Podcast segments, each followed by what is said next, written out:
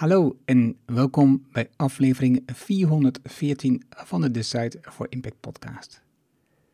Waar je leert van ondernemers en ondernemende mensen die bijzondere resultaten bereiken, welke besluiten ze genomen hebben om hier te komen, wat ze doen, de strategie en hoe ze klanten krijgen.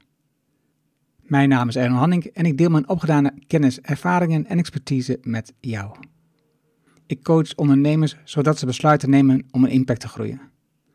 Vandaag het gesprek met Anita Keita. Anita is directeur-bestuurder van Versa Welzijn, een organisatie voor breed sociaal werk in Gooi en Vechtstreek en Weesp. Daarnaast is zij voorzitter van het bestuur van het Landelijk Samenwerkingsverband Actieve Bewoners, LSA, een vereniging van bewonerscollectieven. Een supermooi gesprek waar onder andere het hebben over reflectiemomenten en Rijnlandse gedachtegoed en nog veel meer. Laten we beginnen. Welkom bij Decide for Impact, de podcast waarin je leert van ondernemers en experts die een positieve, duurzame bijdrage leveren aan mens en omgeving. Met persoonlijke verhalen die je helpen om impactbesluiten te nemen voor jullie bedrijf. Dan nu, jouw business coach, Engel Halling. Welkom in de nieuwe podcastaflevering. Dit keer spreek ik met Anita Keita. Welkom Anita. Ja, dankjewel. Ja, nou. Uh, jij hebt uh, heel veel dingen gedaan als adviseur bij verschillende bedrijven gezeten. Je werkt nu bij Versa Welzijn. Uh, we hebben contact gekregen via um, Chantal Walg. Um, zij is natuurlijk in het gedeelte van positieve gezondheid. Daar heb ik ook een gesprek met haar opgenomen. En we zijn met elkaar verbonden via de Inner Development Goals. En zo uh, zei ze, nou, je moet eens gaan praten met uh, Anita. Volgens mij heeft ze een interessant verhaal. Dus uh, vandaar, want wat is Versa Welzijn? Versa Welzijn is een brede welzijnsorganisatie. dus voor sociaal werk. En werkt in uh, Gooi en Vechtstreek en Weesp. Sinds Weesp niet meer bij Gooi Vechtstreek hoort, maar bij Amsterdam sinds uh, 1, 2 jaar. Uh, nou, we werken dus in acht gemeenten uh, met inwoners samen aan verbonden buurten en wijken. Want hoe, hoe doe je dat precies? Wat betekent dat precies? Want hoe, hoe zorg je dat die mensen met elkaar in verbinding komen? Ja, door in de wijken te zijn, vooral. mensen te kennen. Nou ja, wij hebben dus overal mensen in teamverband hè, in de buurten, wijken, in die acht gemeenten. Uh, die kennen de wijken goed, die uh, spreken met mensen op alle mogelijke manieren. En dat varieert van allerlei activiteiten en inloopspreekuren en buurthuizen, het bekende welzijnswerk. Maar we zijn ook al jaren actief met uh, community building, zoals we dat noemen. Dus echt opbouwwerkers die gewoon op val op straat zijn.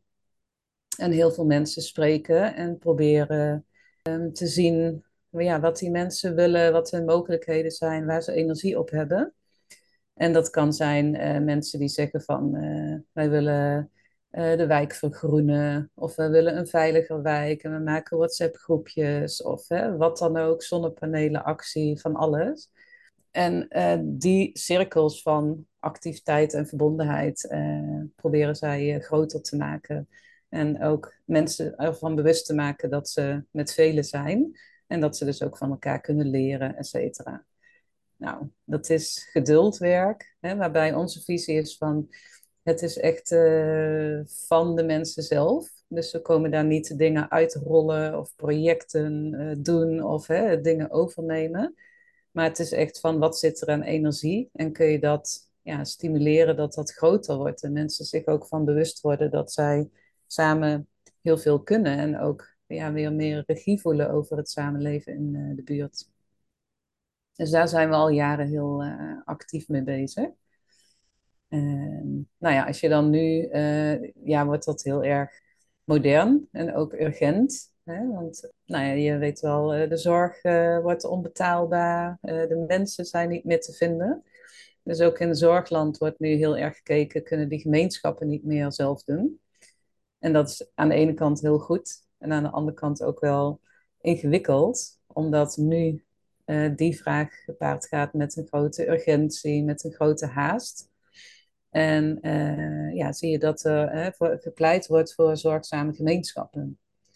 En die vind ik aan, aan één kant best wel ingewikkeld, omdat je denkt, ja, dan ga je weer echt iets uitrollen hè, als je niet oppast. En mensen verplichten van, jullie moeten voor elkaar zorgen, in plaats van aanspreken op waar zit energie. En aan de andere kant snap ik die urgentie wel, omdat iedereen zoekt naar hoe kunnen we dit vraagstuk uh, oplossen. Dus daar, nou ja, en dat soort dingen zitten nu middenin. Maar die manier van werken, om dus uh, community building, met respect voor alles wat inwoners zelf kunnen, daarmee samenwerken zonder het over te nemen, daar ja, zijn we al, uh, ik ben nu zo'n zes jaar bestuurder bij VSA, zo lang zijn we daar al mee bezig. En ja, met vallen opstaan, zoeken, proberen daarin verder te komen. Toevallig hadden wij, Chantal en Kobi, hadden een gesprek bij de Han vorige week. Mm -hmm.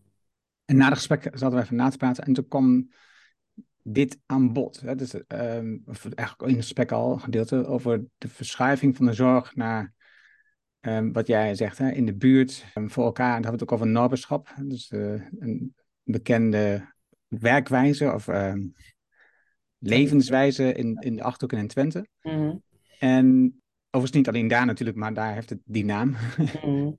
en wat zeg maar, de eerste gedachtegang die ik had toen ze dat zo vertelde, Chantal, was: oké, dus, dit is wel een.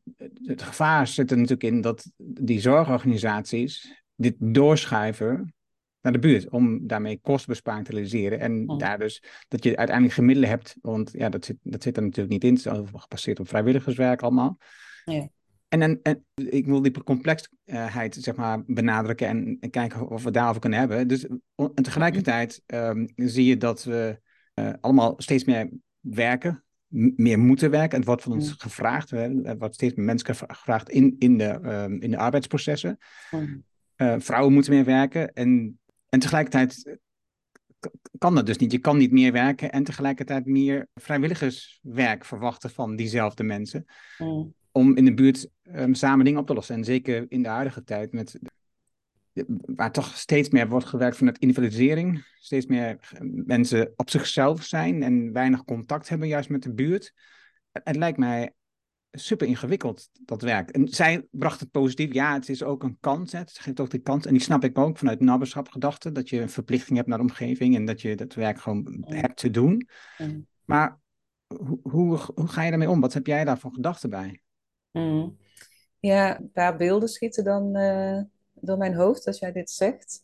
Misschien heb jij vroeger ook op het schoolplein uh, gestaan uh, om je kinderen op te wachten. Ik ook. En was ook wel, nou, was in die tijd al heel erg druk met werk. Ik heb altijd fulltime gewerkt. Maar ik was toch ook altijd degene die me aanmeldde als er iets moest gebeuren op school. Of het nou lokale schoonmaken was voor de vakantie of een uitje of zo. En dat wist ik altijd wel weer erin te proppen. En uh, de andere ouders die dat ook deden, die, dat hadden wel een beetje gemeen. Dat uh, de drukste mensen leken dan toch wel weer dingen te doen. Dat herken jij, zie ik. Um, en ik denk ook van, zolang we allemaal nog heel veel tijd hebben om op, op onze smartphone te kijken en te Netflix en weet ik wat allemaal, dan hebben we ook tijd te maken om te zien. Dus ik denk niet dat tijd uh, het probleem is. En natuurlijk zitten de mensen echt ja, met jonge kinderen en uh, die beide werken, is het leven gewoon hartstikke vol. En als je dan ook nog wat uh, moet mantelzorgen voor ouders of zo, ja, dan gaat het gewoon niet. Maar er zijn heel veel mensen die wel wat kunnen. En ik denk dat het probleem vooral is dat we totaal verleerd zijn.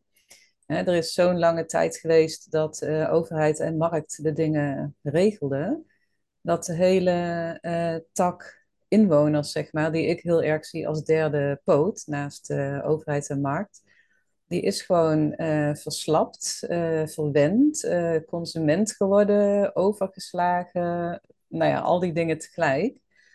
En dat mag wel weer gestimuleerd worden, denk ik. En aan de andere kant bij overheid en markt dus, om dat serieus te nemen, om daar naar te luisteren, waar ja, overheid ook heel vaak heel veel moeite mee heeft. markt die gewoon ja, een mechanisme heeft in zichzelf van wij gaan dit doen en aanpakken en zich niet stoort aan wat kunnen inwoners. Nou ja, daar zijn ja, zoveel voorbeelden van, maar ook zoveel voorbeelden waar het wel kan. Om misschien wat concreter te maken. Uh, je hebt in uh, heel veel energiecoöperaties natuurlijk inmiddels hè, onder uh, inwoners, actieve inwoners. En ik ben trouwens naast bestuurder bij Versa, dat is misschien ook goed om even te zeggen, ook voorzitter van het bestuur van LSA Bewoners. Sinds anderhalf, twee jaar denk ik is een vrijwillige nevenfunctie. Maar die heb ik wel ook heel bewust gekozen, omdat ik vind dat welzijn heel erg naast actieve inwoners moet staan. En LSA is dan de Vereniging van Actieve Inwoners, waaronder dus energiecoöperaties. En uh, daar zie je ook dat tussen sociaal werk en actieve inwoners um, veel onbegrip is. Hè? Dus dat die werelden ook echt nog wel bij elkaar moeten komen. Dus vind ik heel boeiende dubbelfunctie, zeg maar.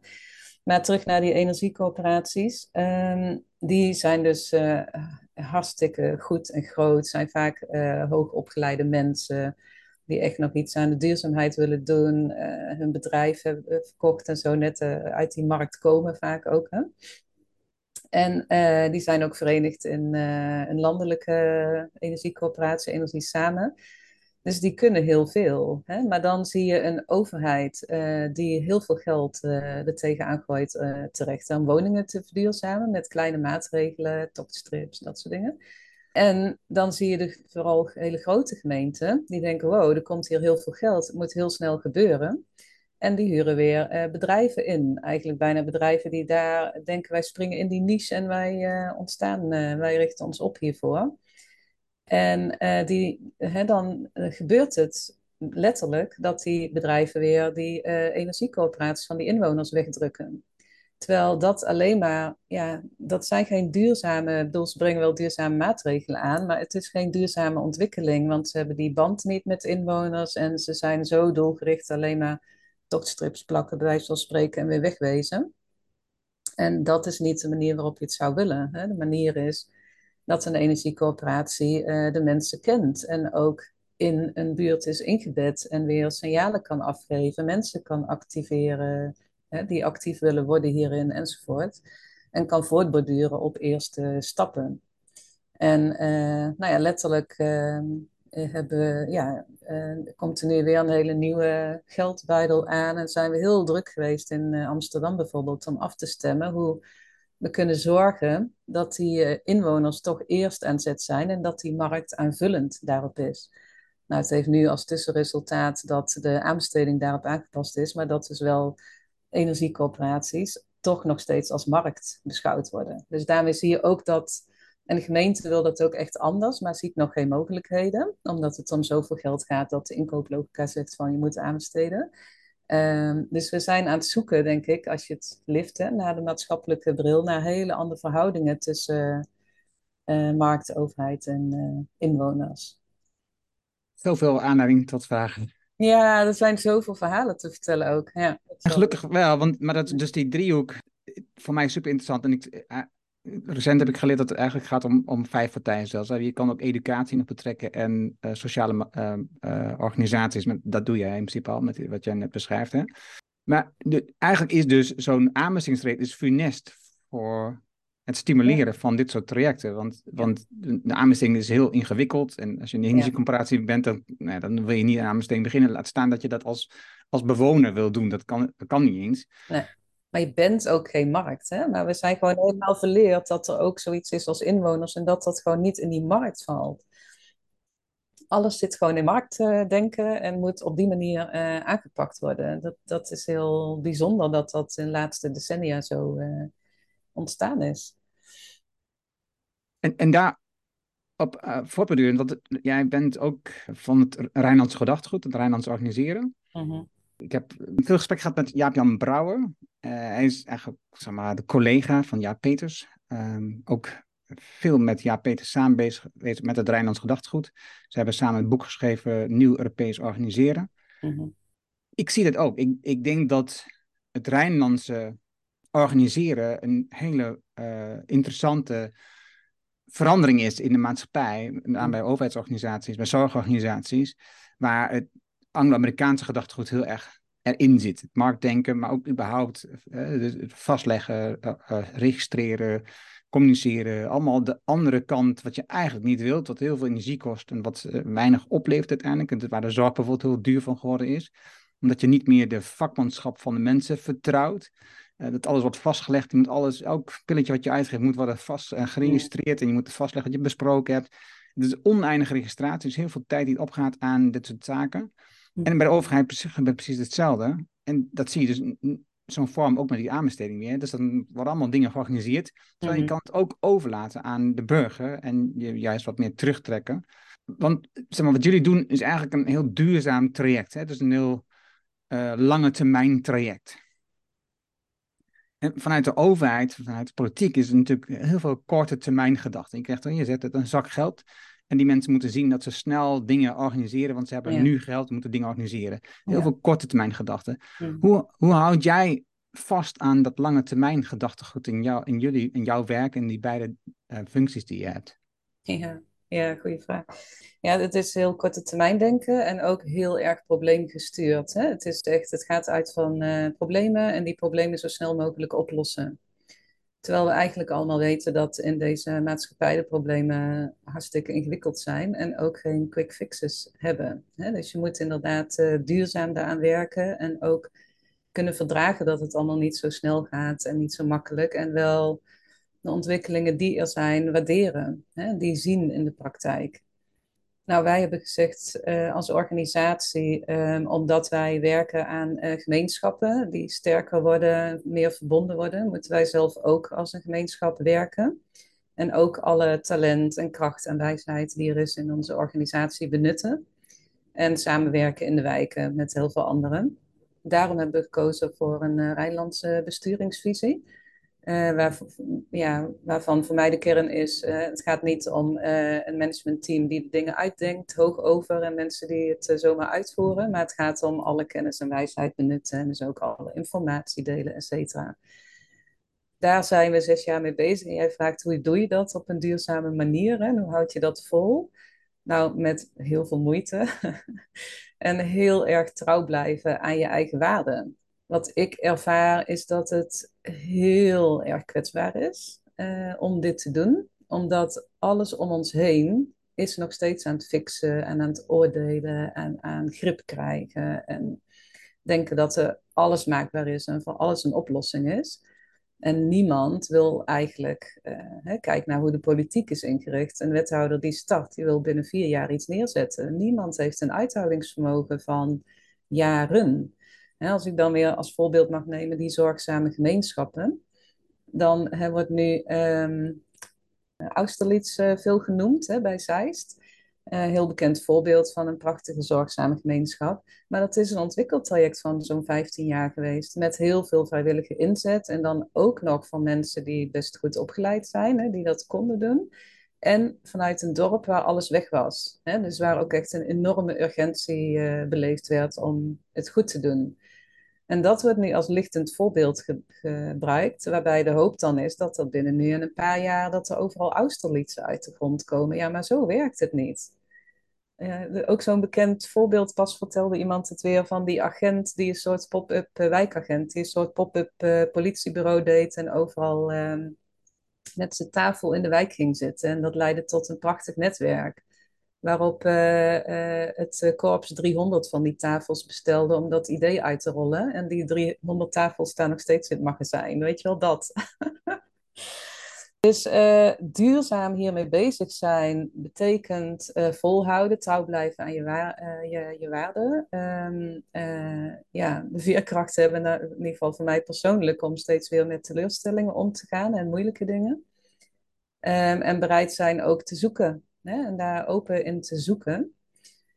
Uh, van hey, als dit niet werkt of hier lopen we tegenaan, wat is dan de volgende stap?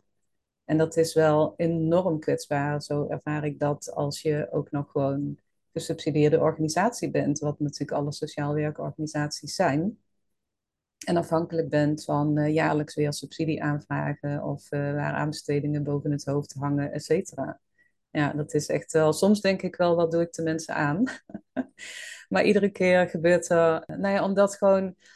Hè, misschien dat nog even toelicht. Wij zijn een tijd bezig geweest. Omdat sociaal werk zo moeilijk meetbaar is. Omdat het zo ja, meerlagig is en zich eigenlijk alleen maar laat vertellen. dachten wij uh, dat het beste was om gewoon reflectiegesprekken te doen, een soort pas op de plaats gesprekken in alle wijken. Met bijvoorbeeld wijkwethouders, uh, ambtenaren.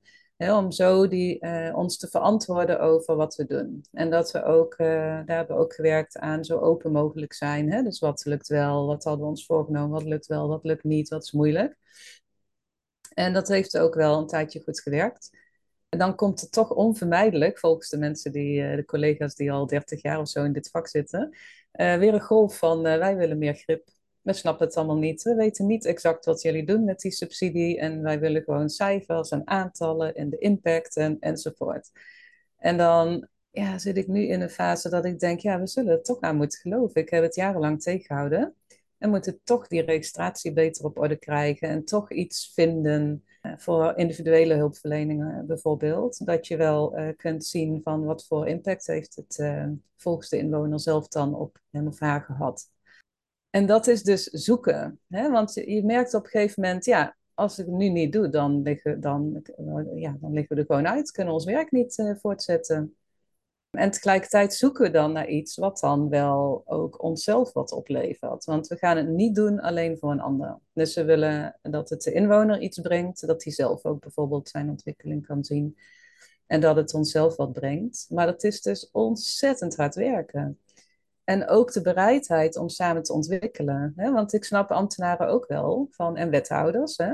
Ja, als een wethouder voor de raad staat en zegt, joh, we hebben hier eh, vier ton aan jongerenwerk gegeven Hoeveel jongeren hebben ze bereikt? Wat was de impact op al die jongeren? En de wethouder heeft daar geen goed antwoord op.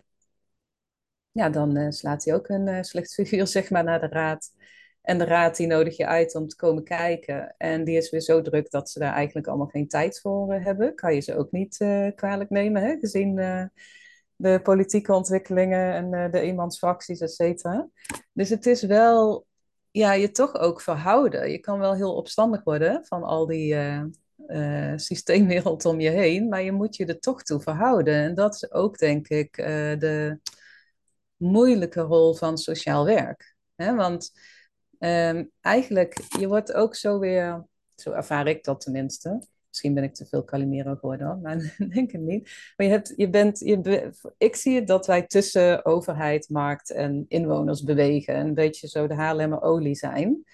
Maar uh, als zeg maar een Austerlitz langskomt of een energiecoöperatie die het goed doet, dan worden die omarmd en loopt men ermee weg. En dan is er geen rol meer voor sociaal werk. Uh, terwijl, en dat vind ik wel heel moeilijk, dat je altijd die rol op een of andere manier moet bevechten. Terwijl ik denk, ja, maar die olie is ook heel belangrijk, want niet iedereen is een Austerlitz. Er zijn zoveel mensen in kwetsbare situaties. En je moet gewoon, uh, ik wil ook dat we nadenken over. Hè, vorig jaar hebben de energiecoöperaties van inwoners uh, heel veel verdiend. Hè, door die, doordat zij ook op die markt moeten acteren. En dus gewoon ook heel veel geld verdienen aan de energie. En ehm, dan zijn er energiegemeenschappen, noemen die zich. Hè? Dus de energiecoöperaties, zeggen zij zelf, hè, die worden dan zelf beter van. De leden daarvan. Maar de energiegemeenschappen, die willen dat dan terug investeren in de samenleving. Maar dan is er dus wel een groep redelijk hoog opgeleide die gaat bedenken van nou in die wijk, die kan wel een extra speeltuintje gebruiken of zo. Wat vinden wij daarvan? Hè? Want dat leidt ook weer tot nieuwe verhoudingen. Is dat dan Garitas of is dat juist gemeenschapskracht? Of, en ja, ik vind wel dat we dat gesprek moeten voeren.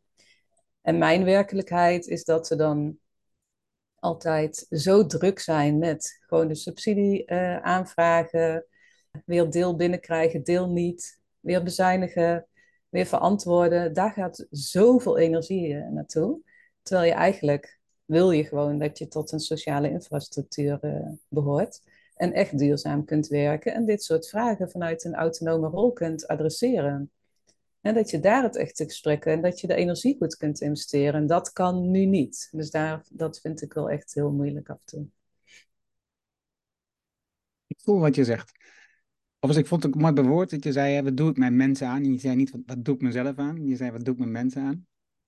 De ingewikkeldheid van dat je dingen moet vastleggen, moet verantwoorden aan anderen, dat herken ik heel erg. Hè? Dus als ik praat over mezelf, mijn eigen werk, dan vinden vaak mensen dat ik veel meer zou kunnen verdienen. En dus zij meten succes aan hoeveel, hoeveel inkomen je hebt. En dat, Mhm. dat doe ik dus totaal niet.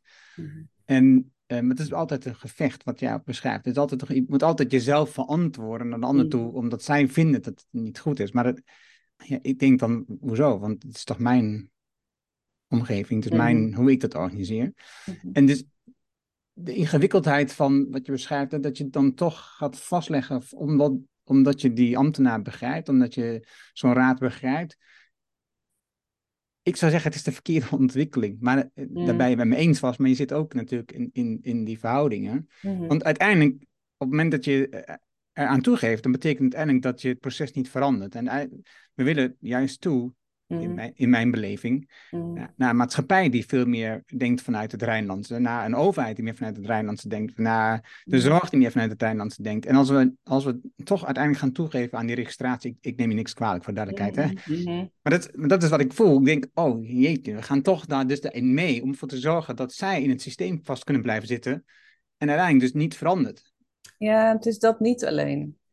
Eh, kijk, er zit in één eh, dimensie is van, nou ja, de druk wordt zo groot dat als je op een gegeven moment niet iets doet, dat je gewoon eh, überhaupt niet meer door ga- kunt gaan met werken. Hè? Want dan word je letterlijk opzij gezet. Of ik nou ben, of de organisatie met een aanbesteding of whatever. Meestal komt het op management dan in ieder geval verandert.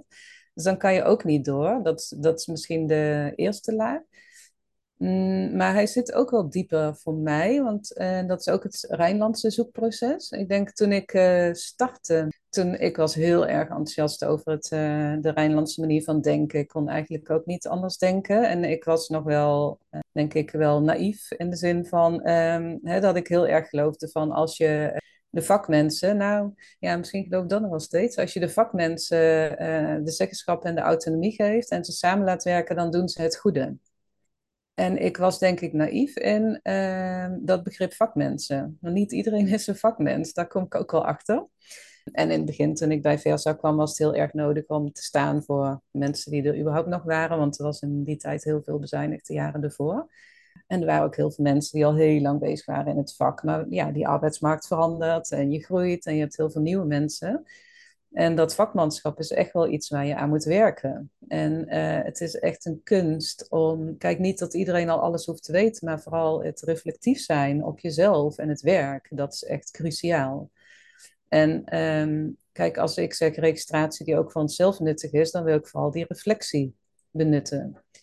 En er zijn toch ehm, ook, denk ik, sociaal werkers het is een systeem, hè? een maatschappelijk systeem. Sociaal werkers worden opgeleid op een uh, hogeschool in de meeste gevallen, wat ook superschools is. En waar ze ook helemaal gedrild worden. En je moet dit, je moet dat. En je moet, ja, mijn zoon heeft ook een HBO-opleiding. En die zegt, mam, waarom uh, moet ik hier per se 20 pagina's schrijven, terwijl ik dit in twee A4'tjes kan samenvatten? Weet je wel, dat soort.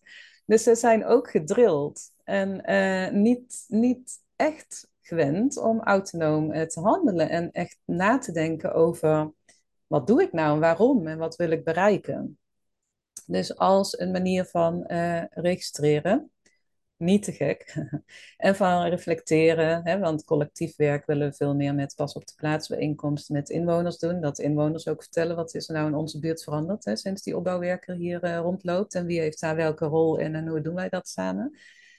Kijk, dat helpt wel om dat vakmanschap te blijven ontwikkelen. En uh, wat je met Rijnlands merkt, is dat er echt uh, dat je eigenlijk niet kunt werken met mensen die dat uh, niet kunnen of willen. En die dus echt gewend zijn om in opdracht te werken. En braaf te voldoen aan de taakomschrijvingen. Dus die het, ja, ik zie het ook wel als dat het ons scherp kan houden in wat doen we nou, waarom, focus.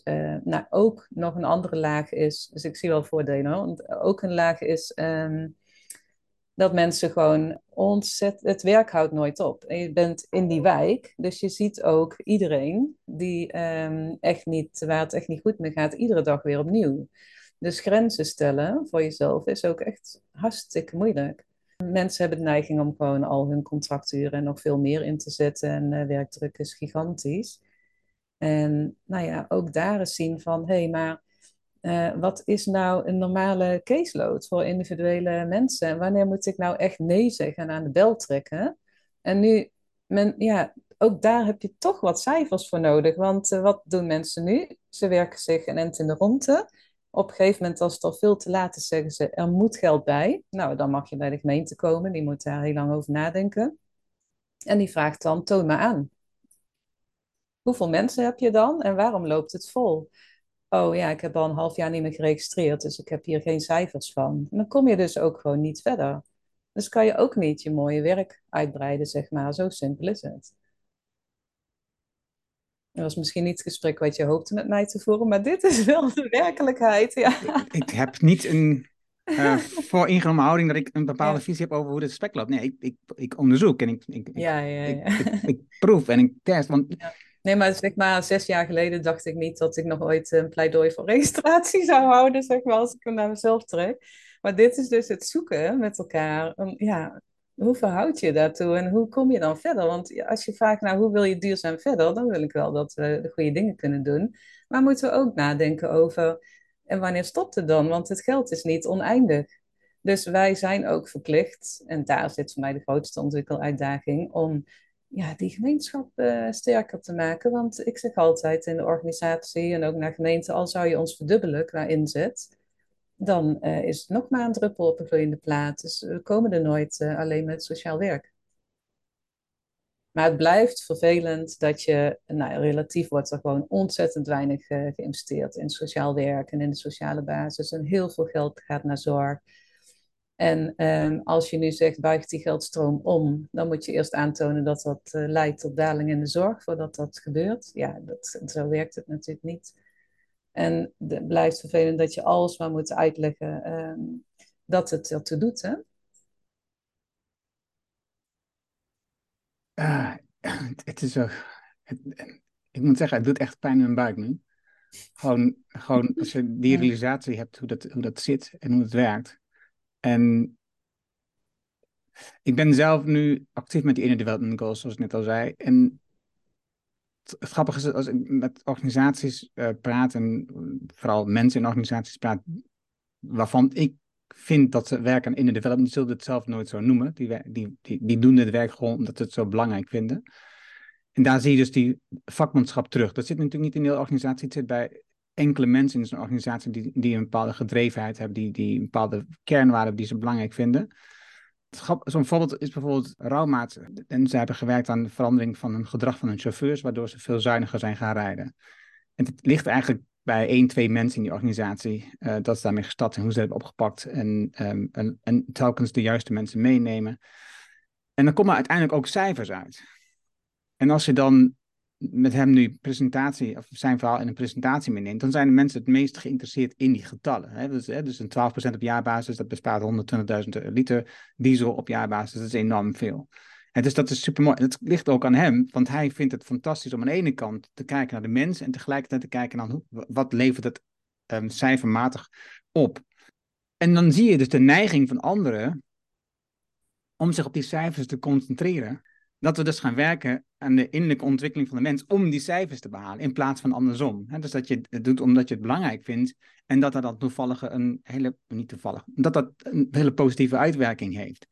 En dat proeft voor mij exact uh, heel erg vergelijkbaar wat jij vertelt. Hè? Dus, dus het aantonen van het feit dat uh, het in de wijk dat het functioneert, dat het werkt, dat het effect heeft op de gezondheid van de mensen, dat de zorgkost omlaag brengt, dat is eigenlijk de omgekeerde wereld.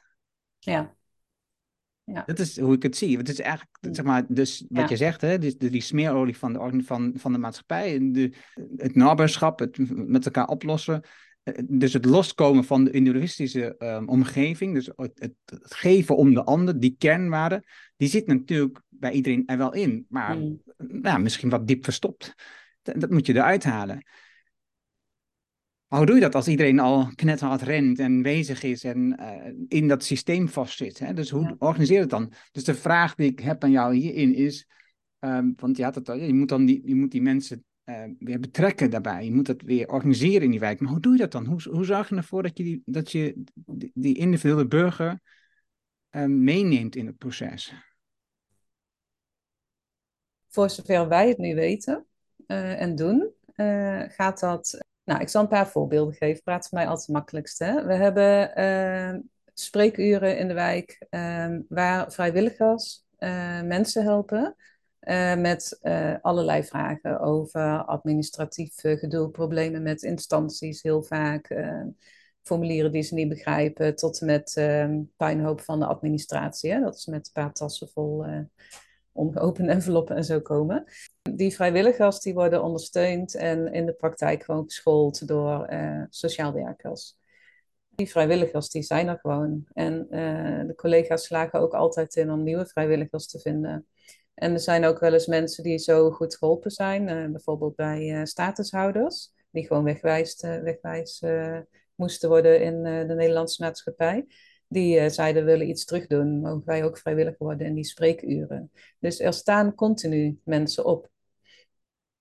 En ik denk dan van, gemeente, of het nou ambtenaar is of uh, hoe heet het, wethouder of raadslid, kom één keer kijken bij zo'n spreekuur en je ziet wat het betekent, hè? Wat je, hoe je mensen helpt. Maar goed, dan zit je dus met dat je dat toch cijfermatig moet aantonen voordat je eventueel mag uitbreiden. Maar dat is een voorbeeld. En het andere voorbeeld is dat nou, we werken bijna in alle wijken nu met een opbouwwerker die dus, die, die vrije rol heeft. Hè, om steeds meer mensen uh, te activeren en te verbinden. En we hebben ook één wijk uh, in Hilversum waar we met uh, behulp van een fonds vijf jaar lang wel met ieder jaar laten zien van uh, wat is het resultaat voordat je het volgende jaar geld krijgt. Maar in principe met de intentie om vijf jaar lang aan een gemeenschap te bouwen met uh, veel extra community builders uh, inzet. En ehm, ook onderzoek door die inwoners zelf ook van wat brengt ons dit nu. En dan is echt het doel dat daar, dat daar merkbaar echt een andere samenleving is die meer verbonden en veel meer actief is dan bij het startpunt over vijf jaar. En verder, dus wij geloven wel heel erg in op allerlei manieren vrijwilligers werven uh, en mensen nou ja, verleiden om actief te worden en iets te doen voor de ander. En wat we nu aan het verkennen zijn, ook door uh, dat hele verhaal van zorgzame gemeenschappen, is kunnen we dialogen organiseren met mensen, gewoon ook kleinschalig in de buurten, van wat betekent dat nou hè, als die zorg onbetaalbaar wordt en er geen mensen meer zijn. Wat betekent dat voor ons? Wat betekent dat voor hoe je leeft en hoe je oud wil worden en hoe je wil wonen enzovoort. En dan weer te kijken van tot wat voor acties leidt dat. We zijn ook steeds mee bezig met wat we in jargon noemen politiserend uh, sociaal werk. Dus e-, ook echt mensen een stem geven. Uh, nou, was ook bijvoorbeeld naar aanleiding van die, uh, die tochtstripactie en zo. Hè? In zo'n flat, die was echt heel erg slecht en schimmel op de muren. En mensen waren allemaal gelaten van ja, de woningbouwcoöperatie doet er toch niks aan. En stonden pas over acht jaar of zo op de nominatie voor innovatie.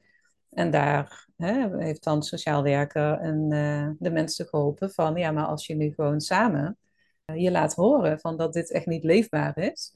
Nou ja, uiteindelijk heeft dat geleid tot dat, uh, naar voren is getrokken, dat onderhoud. Dus daarmee laat je mensen ook ervaren van, oh, als wij samenwerken hebben we kracht en hebben we welzeggenschap. En ook met jongeren zijn we daarmee bezig in een uh, plaats waar heel veel, uh, hoe dat, etnisch geprofileerd wordt en uh, ze geen stage krijgen en steeds op straat aangehouden worden. Om daar ook hun stem te laten horen en gewoon alles te melden bij antidiscriminatie, voorziening enzovoort.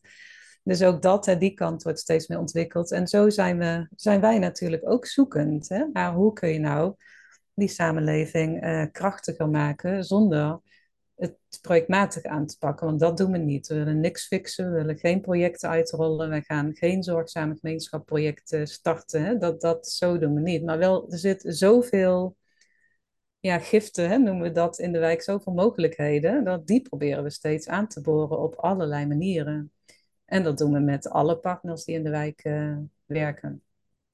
Maar ook als iemand voor een individueel uh, vraag komt. Hè, dus het zit door de hele werkwijze heen. Van uh, als iemand nou, bijvoorbeeld heel veel moeite heeft met de rouwverwerking na het verlies van zijn vrouw kijken al, gaan we niet zomaar rouwbegeleiding doen of zo, maar ook kijken van waar werd deze mens blij van, wie is deze mens en kun je ergens zo iemand duurzaam verbinden in de wijk. Bij, want iedereen wil verbonden zijn en gehoord en gezien worden en iets bijdragen en daar zoeken we de hele tijd naar. Ik zou zeggen dat, nog een keer hoe ik me nu voel, nu, nu voel ik ook wel hoop uh, en warmte. want je schetst een beeld dat. Het is, ik neig me op dat moment naar het negatieve te kijken. Hè? Dus het tekort aan, aan mensen. En jij ziet dat er telkens weer nieuwe vrijwilligers opstaan, telkens weer nieuwe mensen bijkomen Mhm. vanuit de praktijk, wat dus, wat dus heel erg mooi is. Dus het is gewoon beschikbaar. Het is een kwestie van het, org, nou, niet het, org- maar het bundelen, het, in, het bewegen, het in gang zetten, het? Ja, begeleiden. het zien ook. Ja. Ja. ja, en het kleine waarderen. Ja, nou, en de gesprekken natuurlijk ook. Dat je, dat je, dat je de, de, dialoog op gang brengt. Dat mensen van elkaar leren. Dat je, hè, wat je net al zegt, dat die mensen gezamenlijk wel een vuist kunnen maken en eh, eh, Mhm. actie kunnen afdwingen. Wat zie jij voor toekomst hier in, in Nederland? Ja, los van mijn eigen worsteling met eh, me steeds verhouden tot dat systeem, zeg maar. Daar werd je misschien net somber van en ik ook af en toe al. Maar ik ben wel hoopvol. Omdat, eh, dat is ook het leuke van eh, ook bij LSA, eh, zien wat er allemaal gebeurt. Hè? Er, zijn, er is zoveel activiteit en je ziet ook nu wel, nou ja, opbouwwerk komt er helemaal op. gemeenschapskracht, hè? Bedoel, ook een zorgverzekeraar als Zilveren Kruis die dat nu probeert uit te rollen dan nog wel. Hè? Daar zit dan weer de buikpijn. Maar op zich dat iedereen heeft wel een besef dat die gemeenschap heel erg belangrijk wordt. Ja, ik ben toch wel hoopvol dat wij ook weer gewoon toegaan naar andere verhoudingen. En tussen, nou ja, waar ik mee begon, overheid en eh, inwoners. Dat, dat, eh, dat die inwoners weer veel eh, sterker worden. En ja, dat zit gewoon voor mij ik ben politicoloog van origine, dus ik denk ook altijd in macro. Ja, toch wel in een ontzettende maatschappijkanteling waar we in zitten. Hè, waar ook ja, dat, dat werken het hoogste doel is, is natuurlijk aan het kantelen. Dat we eindeloos die planeet kunnen uitputten, is aan het kantelen. Dat hè, het veel meer weer gaat om zingeving. Wij zien ook mensen die gewoon uh, willen stoppen met hun carrière aan de Zuidas en uh, sociaal werk uh, willen gaan doen. Hè? Dus, dus, je ziet beginnetjes van een kanteling. Alleen het moeizame is dat we in zo'n schurende tijd zitten waar af en toe die grip en cijfers en hè, alles wat blauw is ook weer heel erg opspeelt. En ik ja, probeer het dan maar steeds te zien als onderdeel van het zoeken. En ja, hè, dat mensen het echt willen verbeteren en denken, en dat moet nu. En dat kan gewoon niet nu. En nou ja, dat is steeds weer zoeken naar uh, wat, wat lukt dan wel. En, en elkaar toch vinden, denk ik, op wat je dan nastreeft. Dus je kan, uh, en ook belangrijk om dat te constateren. Ik had wel eens uh, met een nieuwe wethouder en die zei: Ja, maar Anita, ik heb haast. En dan zei ik: Ja, maar je moet geen haast hebben. En dan dacht ik zelf: Oh, dit is ook echt niet zo effectief wat ik nu aan het doen ben. dus dat je dan het weer ombuigt naar, volgens mij, dromen van hetzelfde. Alleen moeten we echt nog goed met elkaar onderzoeken wat de weg daar naartoe is. Nou ja, en als je dat een beetje voor elkaar krijgt om dat toch met elkaar te doen, dan ben ik wel hoopvol. Maar het is wel ook een uitputtingsslag, daar ben ik ook echt eerlijk in. Ja. Ja. Maar ook tegelijkertijd, als je de mooie momenten ziet, krijg je energie. Hè? Dus het, Ja. is, het is een wisseling die komt. Dus ik moet heel erg denken aan de transities en ook aan de, aan de tussentijd. Telkens weer, dat woord dat komt voor mij telkens weer terug. Mhm. En dus het moment um, waar we nu in leven, de tussentijd uh, in dit proces. Dat je hebt waar je vandaan komt, je weet waar je naartoe wilt met elkaar. En, en het is heel ingewikkeld om dat te komen. En dat proces, dat, ingewikkeld, dat hoort erbij. Het is heel vervelend, maar we, we, kunnen er niet onderuit. Het kan niet in een sprong van in één keer naar, oh ja, dit is waar we naartoe willen met elkaar. Dat gaat gewoon niet. Dus hoe ingewikkeld het ook is, het is achteraf terugkijkend straks, zeg je, oh, dat was echt, daar heb ik het meeste geleerd. Maar als jij middenin zit, is het gewoon een heel vervelend, een heel vervelend Ja. gevoel telkens weer. Dat je Ja. denkt, oh ja, maar ik moet er weer daar tegenaan. En dat haast, dat is ook mooi, want uh, ik heb het daar met meerdere mensen hebben het er telkens weer over. Ik denk dat het, het belangrijkste wat we nu kunnen doen, zijn twee dingen, is dialoog. Mhm. Dat, en dat is al natuurlijk een vorm van vertraging, maar überhaupt gewoon vertragen. Hè, dus, dus waarbij, waarbij zeg maar, echt de maatschappij, met name natuurlijk die bedrijven, um, de markt moet ik noemen, hè, de markt is beter, de markt telkens vraagt om uh, nog meer, harder, um, sneller, juist de vertraging in te brengen. Juist Mm. die stap te maken, wat je zegt, als mensen een baan opgeven en zeggen, ja, ik wil toch een andere carrière. Juist die stap terug te vinden van, oké, ik wil vertragen, want dat geeft de ruimte. Hè? Dus, dus waar moeten we 50 uur per week, waar we kunnen het ook met 24 bijvoorbeeld, waardoor je dus meer ruimte krijgt om te vertragen en dus Mm. meer een andere kijk krijgt op de dingen die jij benoemt. Dus ik denk dat het, en het lukt natuurlijk niet, zoals je net al het voorbeeld gaf, dat je dat gewoon tegen iemand zegt, ja, je moet gewoon rustig gaan doen. dat helpt niet. Nee. Maar je ziet ook wel eh, steeds meer, nou ja, als je kijkt nu naar Amsterdam, hè, die eh, benoemen dan de sociale basis. Daar gaan ze nu een eh, subsidietender voor doen. Dus waar we het net allemaal over hadden, hè, dat noemen zij dan de sociale basis. En die gaan niet meer aanbesteden. Hè. En die gaan een subsidietender doen voor acht jaar. En dan zie je dus wel een beweging dat ze rust proberen te brengen. En dat zij ook ja, willen voorkomen dat partijen allemaal in concurrentie gaan. Al is een subsidietender natuurlijk altijd weer spannend en geeft het onrust. Maar zij proberen te stimuleren, wat ik zo zie, dat er echt alliantievorming eh, is. En dat partijen die goed geworteld zijn, samenwerken in eh, de stadsteden dan. En dat zijn wel beginnetjes, denk ik, van dat je ziet van oké, dat hele rare aanbesteden en steeds maar weer al die relaties eh, verbreken en eh, jaren van navelstaren naar al dat gedoe wat daar omheen hoort. Daar wil iedereen wel vanaf. En ik denk dat, nou ja, op, als je kijkt naar eh, ministeries moeten denk ik ook leren. Want dat, dat wat, wat er nu gebeurt, om maar steeds heel veel tijdelijke middelen te droppen, of het nou over ehm, eh, energieverduurzaming gaat, of over eh, de verandering van de zorg, of nou je ziet het overal, dat leidt tot juist de verkeerde kant op bewegen. Want dan krijg je dat er heel veel haast is de hele tijd. Want er moet, eh, nou, kijk naar het Integraal Zorgakkoord. Er moet nu een regiobeeld, er moet nu een regioplan, er moeten nu middelen aangevraagd worden. En eh, binnen drie jaar moet je het gefixt hebben, want dan houden de middelen op. En dan heb je nog alle spuk-uitkeringen, et cetera. En ja, je hoort gewoon mensen zuchten, we krijgen dat geld helemaal niet op, we worden helemaal gek. En je moet alles aanvragen en tot achter de komma verantwoorden. En denk ik, ministerie, stop daarmee. Hè? Dus ik denk, alle lobby's die nu gaan naar, uh, voor, verkiezingen en nieuw kabinet, die moeten daar echt met meer wijsheid mee omgaan. En echt die duurzame ontwikkeling ook stimuleren en gewoon rust brengen. En ook voor gemeenten, want nou, gemeenten praten allemaal van in 2026 is het ravijn, hè, want dan dalen al die gemeentelijke middelen opeens heel erg hard en is dus totale financiële onzekerheid. En nu weet niemand waar ze tijdelijke geld moeten laten. Ja, dat is toch van de zotte. En ik denk ook dat ministeries veel meer moeten nadenken nou, over andere vormen van democratie, bijvoorbeeld dan naast de representatieve. En ook um, over die inwonerspoot, waar ik het steeds over heb, van hoe zorgen we nou dat die gerespecteerd wordt en in de luwte kan doorontwikkelen in plaats van tegen de stroom in zich steeds moet ontwikkelen. Want dat is wat er nu steeds gebeurt. Ik wil zeggen, gewetensvraag is niet het juiste woord. Ik kan niet snel een beter woord vinden. Ja, dus op één onderwerp denk ik dat we wel haast hebben.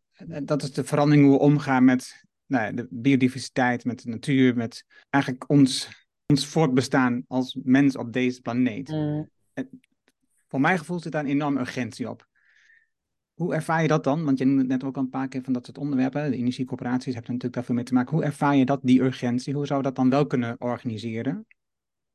Ja, dan kan ik alleen maar als mens antwoorden, denk ik. Want vanuit mijn, uh, dat ligt weer een beetje, ik zit natuurlijk toch vooral op die sociale, uh, hoe mensen zich verhouden onder elkaar.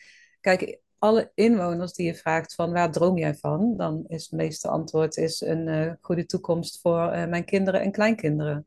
En mensen zijn daar ook allemaal heel bezorgd over.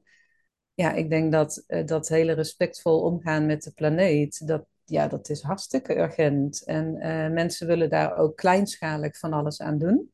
En doen dat ook dus. Hè? Of nou energiecoöperaties of geveltuintjes of whatever. Ja, en ik denk dat daar de overheid een hele sterke rol zou moeten pakken samen met uh, de markt. Om te kijken wat zijn dan uh, de condities hè, waaronder die markt kan opereren. Nou ja, denk aan de vliegtuigtickets. En hè, nou, die, die gesprekken worden nu ook gevoerd, naar mijn idee. Ah, ja, ik denk wel dat je daar de overheid hebt, nodig hebt als regulator, voor zover ik daar kennis van heb, voor die markt. En om ook echt een kader te stellen van zo werken we binnen die markt en zo niet. Dus niet met dumpprijzen en gewoon realistische prijzen en uh, circulair en daar echt kaders voor gaan uh, stellen. Dat is dus het grap. Ik denk hetzelfde. Ik denk dat we veel meer regulering van de overheid nodig hebben, dit aspect. En dat daar echt vaat mee gemaakt moet worden. Echt daar is slagkracht nodig.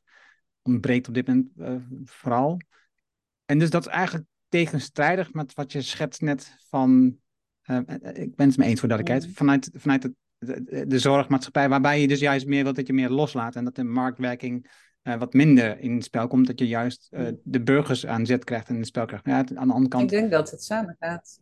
Nou, omdat burgers krijgen natuurlijk ook veel meer vertrouwen dat wat zij kleinschalig doen in de buurt, dat dat ook grootschalig gesteund wordt hè, en gestimuleerd wordt. En als je zeg maar hartstikke goed bezig bent als inwoner en je ziet uh, bedrijven die nog steeds Hè, dat jouw inspanning echt een heel klein druppeltje is op plaat en alles, nou ja, hoeft niet uit te leggen, maar dan, dan raak je ook de moed kwijt. Hè, dat heb ik ook wel. Dat ik denk, ja, ik kan wel heel goed doen en dat doe ik ook. Maar ja, als je dan de, dagelijks de krant leest, dan word je toch wel redelijk somber uh, van wat er allemaal vernietigd uh, wordt. En ik denk dat daar de. En wat, wat daarbij ook hand in hand gaat, denk ik, is. Um, en daar zit voor mij ook die democratische verandering en dat raakt ook weer het Rijnland. Dan kijk, nu slaagt de politiek erin met de representatieve democratie. Die slaagt er niet in om de wijsheid en de kennis van uh, burgers te benutten. En je gaat uh, gechargeerd één keer in de vier jaar uh, stemmen. En dat was het.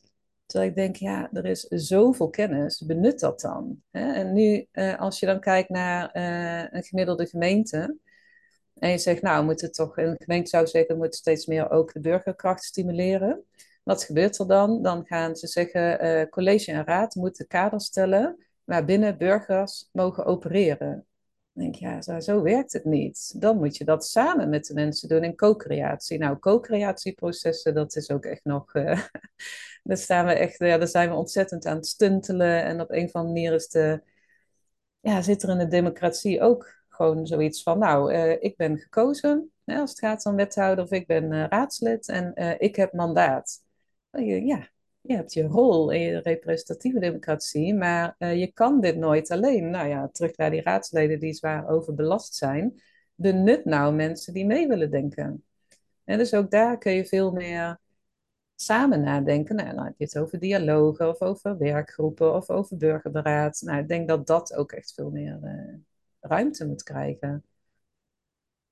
En het is dan, het is nu een beetje alsof er krampachtig uh, wordt vastgehouden aan representatieve democratie, wat natuurlijk een groot goed is, maar alsof dat tegengesteld is met hè, medezeggenschapsdemocratie of gebiedsdemocratie. Dat ik denk, ja, maar dat mag juist hand in hand gaan aan elkaar versterken. En dan kom ik steeds terug op mijn thema. Het gaat om zoveel mogelijk eigenaarschap bij de mensen die samenleven en samenwerken. En uh, die hebben allemaal heel veel wijsheid van de praktijk, want in die praktijk gebeurt het. Jij hebt een eigen bedrijf, je bent ondernemer. En je was ook adviseur bij een organisatie. Je hebt voor veel verschillende organisaties gezeten in het land. Nu zit je toch al.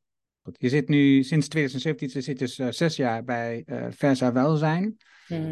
Hoe, hoe verhoudt zich dat met jouw werk als, als ondernemer van de verlichting?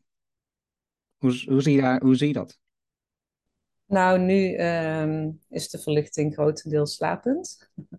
Dus ik doe daar niet heel veel in. Maar ik heb hem ook nooit afgesloten. Dus uh, er is nog wel een ambitie om weer uh, misschien een keer daar meer in te doen. Ik, vond het, ik ben heel lang adviseur geweest, dus ik vond het heel uh, spannend. Nou, ik voelde, nee, moet ik zeggen, ik vond uh, voelde bij sociaal werk. Ik had een, de opleiding transitiemanagement gedaan en ik was bezig sociaal werkorganisaties te adviseren. En daar voelde ik voor het eerst heel erg de behoefte van: ik wil niet meer aan de zijlijn staan, maar middenin staan. Ik had ook het idee dat ik daar echt iets kon brengen. Dus dat leidde tot uh, dat ik bestuurder werd bij uh, Versa. Dat was ook mijn eerste rol als bestuurder. En was de eerste interim en toen vast. En toen vond ik, dacht ik zoiets, wow, vast. Dan kom ik nergens anders meer behalve in één organisatie. Lijkt me doodeng. Dus toen zei ik uh, tegen de Raad van Toezicht van, nou, ik wil nog wel gewoon ruimte om ook af en toe te adviseren. Maar nou ja, ik, ik vond ook altijd wat van al die bestuurders met volle agenda's. Die dachten altijd, joh, waarom laat je zo leven? Ik moet eerlijk bekennen dat mijn agenda ook meestal heel vol is. dus dat, dat adviseren gebeurt nog wel af en toe. Dan is het een studiedag of zo, vind ik ook heel leuk. maar niet eh, nog heel veel. Dus voor mij is dan eh, de rol bij LSA bewoners nu ook echt een, ja, een goede om buiten de deur te kijken en breder te kijken. Na zes jaar besturen, heel hard werk, voel ik die behoefte ook wel meer. Merk ik bij mezelf. Op een gegeven moment ben je toch wel heel erg in je organisatie. Dus ik voel ook wel dat ik zelf nodig heb weer voor nou ja, andere perspectieven. Om ook weer wat meer ja, te kijken hoe het bij anderen werkt en daar weer over na te denken. Dus zo verhoudt het zich nu een beetje. Maar de verlichting is een beetje slapend. Jij vertelde in het voorgesprek van mij, dus dit vrijdag van jou, dat is meer een reflectiemoment. Het is een rustig moment in jouw week. Je werkt dan vaak van huis. Hoe organiseer je, hoe, organiseer je reflectiemomenten voor de mensen in je team ook?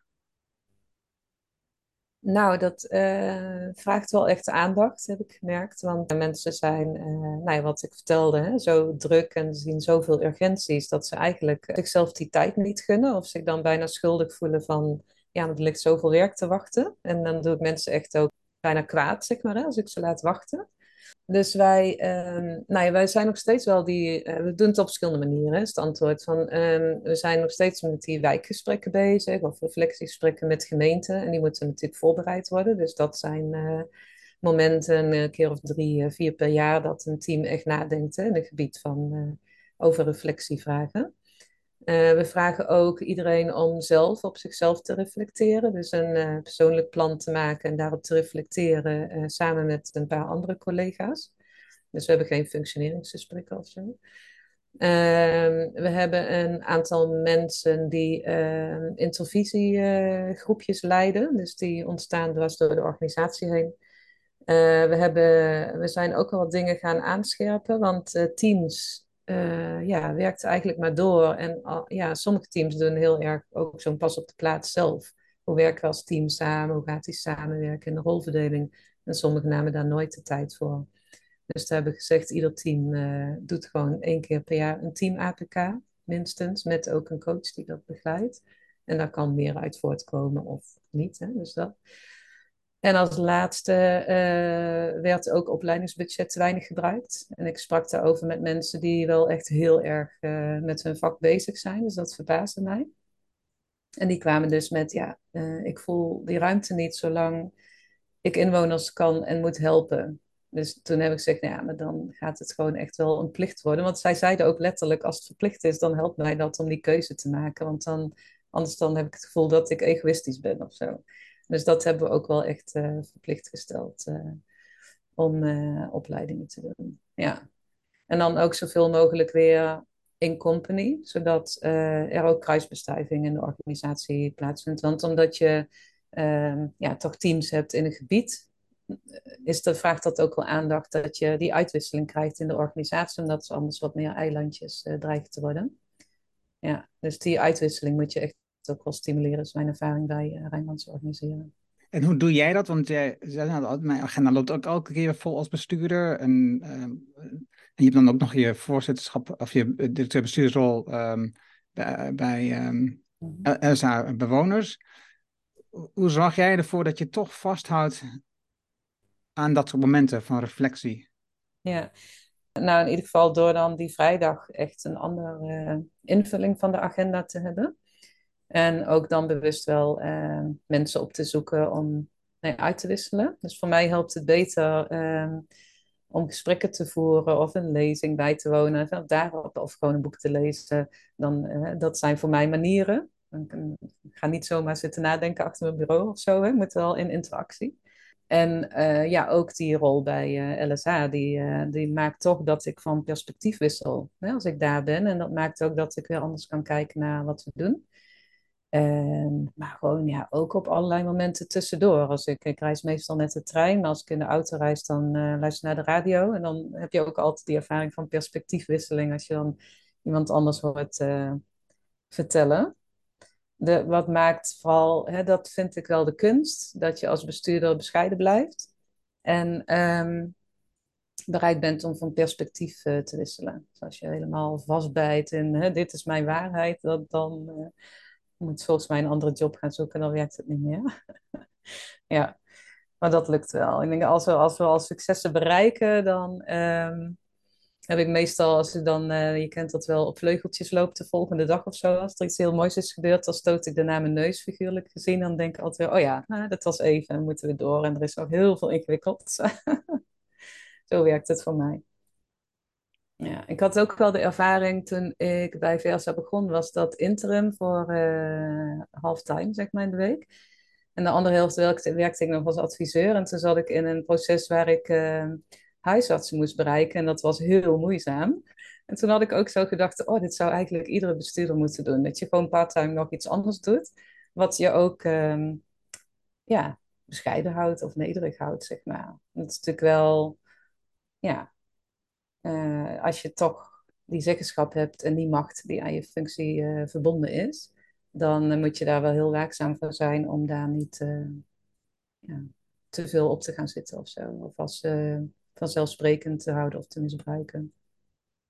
Ja, dan vind ik het een fantastisch einde met wat je benoemt, dat je als bestuurder eigenlijk een functie ernaast zou kunnen hebben, waarmee je dus de bescheidenheid terugbrengt. omdat je in zo'n machtige rol zit waar iedereen naar je luistert. Ik denk overigens dat geldt ook voor ondernemers. Hè? Het is niet alleen voor bestuurders van, van, van de sociale organisaties. En het zou denk ik ook heel goed passen in de overheid. Want je hebt natuurlijk heel veel macht waarvan je uit je handelt. En ik zie het in, in, bij, bij gemeentes. Hè? Mensen die, die zitten toch vanuit een bepaalde machtspositie te handelen. Ik doe dit omdat ik dat vind dat voor de gemeente het zo moet. Terwijl als je in een andere rol zit waarbij je afhankelijk bent van anderen, dat je veel meer denkt, oh wacht even, als ik dit dan zo doe, dan gaan mensen niet zomaar met me mee. En dat mm. geeft je heel veel perspectief, wat je net al schetst. Dus ik denk dat dat een heel goed idee is. Of ik denk dat nu, überhaupt natuurlijk als je als, als vrijwilliger uh, een rol oppakt, uh, dat, geeft ook al heel veel perspectief. Uh, dat je tegen dingen aanloopt die normaal als bestuurder heel, als, heel gewoon ervaart. Van, oh ja, dat besluiten we gewoon, dan gaan we gewoon dat organiseren. En dat is natuurlijk niet zo. Mm-hmm. En ook jouw manier van denken waarbij je zegt, het zit in die organisatie. Het dus de kennis is er, dat kunnen we delen, dat kunnen we organiseren, dat delen. Maar toch niet te veel dat op een projectmatige manier organiseren. Dus niet zeggen, we gaan het nu uitrollen. Nee, mm. we laten nog steeds het proces bij de mensen zelf om dat zelf te organiseren, te ontwikkelen. En soms moet je iets verplicht stellen omdat ze het anders niet doen. Maar door de bank genomen ga je niks uitrollen omdat iets fantastisch functioneert op één plek. En zegt, nou, nou vanaf nu gaan we het in de hele organisatie zo doen. Nee, je laat het telkens uh, kijken naar de situatie, hoe het organiseert. En ik denk dat een, een heel interessant proces is waar je als ambtenaar, als raad mee om zou kunnen gaan om te ontdekken hoe zou je het kunnen doen. Dus dat is wat mij betreft een mooie lesje uit. Hoe zouden we meer kunnen leren van, van, van jouw manier van werken? Waarbij het Rijnlandse um, er duidelijk in zit, maar ook ook wel de worsteling die erachter zit niet beschrijven. Dat vakmanschap, dat is natuurlijk dat is een mooi onderwerp, maar niet iedereen heeft dat. En hoe gaan we dat dan wel organiseren dat je dat bijvoorbeeld intern in de organisatie mensen elkaar opleidt uh, in dit vlak? Ja, het is, ja, dat wil ik misschien nog wel uh, zeggen. Want het Rijnlands voor mij is ook echt, uh, hoe meer je weet, hoe moeilijker het wordt. Hè? Dat is natuurlijk voor heel veel dingen, maar hier zeker ook ja, ik ben wel allergisch voor, nou, als je gewoon maar het roer, uh, die uitspraak, als je het roer geeft aan de professionals, dan komt het allemaal wel goed. Hè? Weg met de rest, denk ja, dat, dat, zo makkelijk is het in ieder geval niet. Ook bijvoorbeeld zoiets als teamdynamiek, hè? dat uh, vragen natuurlijk mensen echt samen te werken in een team. Nou, er zit zoveel teamdynamiek die ook heel moeilijk uh, te begeleiden is. Ik denk, oh, ik zou ook veel meer van uh, ja, teamdynamieken willen weten eigenlijk. Hè? Dat voel je ook dan, gewoon misschien heb ik daar wel te weinig kennis. Uh, ja, het blijft steeds zoeken. Ik had een heel kwetsbaar voorbeeld, misschien wel goed om te noemen. Gisteren belde ik met een collega die dan het account doet voor een gemeente. En die hadden een gesprek gehad met een paar gemeenteambtenaren en een paar collega's. Moet je je voorstellen, vier parttime werkende mensen die dan alles doen rond uh, wonen, welzijn, mantelzorg. Dus zowel voor ouderen als voor mantelzorgers. En uh, nou, het zijn vier parttime mensen voor een gemeente van zo'n 95.000 inwoners. Dus eigenlijk denk je al van waarom hebben we dat zo? Hè? Ja, dat weet ik wel, omdat ze nooit meer uh, subsidie krijgen. Maar eigenlijk is het gewoon vlees nog vis qua ja, formatie. En die mensen die, ja, wat mij geen hele duidelijke opdracht. Uh, maar het zijn mensen die allemaal wel het op hun manier ingebed zijn in die samenleving. De ene meer bij een uh, Turkse groep, de ander meer Marokkaanse groep, de ander weer anders. Hè? En iedereen doet het dus op zijn eigen manier. En dan hadden ze een reflectiegesprek met uh, ambtenaren die dan allemaal logische vragen gaan stellen. Vanuit welke visie werken jullie? Welke doelen wil je bereiken? En zij hadden daar echt onvoldoende antwoord op. Hè? Dus de collega van mij die erbij was, die vond, uh, ja, die vond het ook heel ingewikkeld. En, um, uh, en dan is het dus heel kwetsbaar. Hè? Want zo'n, die ambtenaren die oordelen dan van dit deugt niet. Wat deugt er nog meer niet? Want als je de diepte in gaat, dus die gaan zoeken. En uh, mijn eerste neiging is, verdorie, dit is echt kwetsbaar. Uh, we moeten hier ingrijpen. En dan op dat moment toch je onderzoekende blik houden, omdat je denkt, ja, maar deze mensen werken keihard. En uh, er zal deels in zitten dat zij te weinig ehm, boven het doen hangen, hè? dat zij te weinig kunnen reflecteren op wat zij doen en waarom, zeker. Maar ze doen wel iets vanuit een soort intuïtie waar wel waarde in zit. En dat gaan onderzoeken met elkaar. En dan, eh, terwijl ik weet vanuit mijn bestuurdersrol dat het dus nu heel onveilig is, omdat er dan heel snel geoordeeld wordt, het heel snel rondgesproken wordt en dan heel veel als deugt niet. Dat is een beetje het risico hè, wat erboven hangt. En je wilt toch ook zorgen als werkgever dat je volgend jaar nog werk hebt en door kunt met het mooie werk. En het verduren dat je hier dus met die collega's toch verder over gaat praten en gaat onderzoeken. Waar hebben zij dan hulp bij nodig en wat doen zij heel goed? Nou, dat, dat vind ik echt dan na zes jaar Rijnlands. Hè, en uh, deze mensen werken al heel lang in de organisatie, ver voor mijn tijd. Maar dat je ja, dat toch kunt opbrengen om daar met elkaar dan uh, zonder. Want ik weet ook uit, al, altijd, als ik in mijn eigen valkuil spring, dat ik te snel oordeel over iets wat in de praktijk gebeurt, dan klopt het nooit. Er zit altijd veel meer verhaal achter. En dat moet je steeds opzoeken. Nou, dat vraagt heel veel tijd en ja, ook heel veel ja, lef ook wel, denk ik, om dat te doen. Denk ik ook, ja.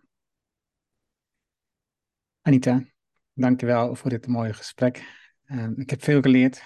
Het was eh, super interessant om deze kant, want het is niet een kant die ik uh, vanzelf eigenlijk altijd opzoek. Dus uh, voor mij is het interessant om naar deze kant te kijken. Dus ook Chantal, mocht je luisteren, dankjewel voor dit advies, voor deze suggestie. En nou, wie weet tot in de toekomst. Dankjewel. Ja, dankjewel. Mooi gesprek. Dat was het mooie gesprek met Anita. Je vindt de namen en links die we noemden in het artikel dat bij deze uitzending hoort. Ga daarvoor naar de site voor impact.com slash show 414. Wil je automatisch de volgende aflevering van deze podcast op je telefoon ontvangen? Dat kan heel eenvoudig. Heb je een iPhone, dan zit er de standaard de Apple Podcast app op. Open deze app, zoek dan de site voor Impact Podcast op en klik op abonneer. Heb je een Android-telefoon, installeer dan eerst bijvoorbeeld de Player FM app. Zoek daar de site voor Impact Podcast op en klik op abonneer. Dankjewel hiervoor. Heb je vragen, opmerkingen, reacties over deze aflevering met Anita Keita of over de podcast in het algemeen? Stuur dan een e-mail naar podcast@thesiteforimpact.com. Ik hoor super graag van jou. Wil je leren hoe je focus en energie vindt met jouw innerlijke kompas? Hoe verbinding in je team het verschil maakt? Hoe je vertrouwen krijgt in je collega's en hoe je een moedig mens wordt? Download dan het boek Impact Besluiten waarmee je nieuwe medewerkers aantrekt op de site van impact.com. Dit is mijn nieuwste boek en je downloadt het daarom helemaal gratis. Je hebt zelfs geen e-mailadres nodig. Vraag jouw boek nu aan op site4impact.com. En ik weet, je hebt een volle agenda, je leest het in één avond uit. Dankjewel voor het luisteren en graag tot de volgende. Dankjewel voor het luisteren naar deze aflevering van de Decide for Impact podcast. Ga voor jouw volgende stap naar decideforimpact.com.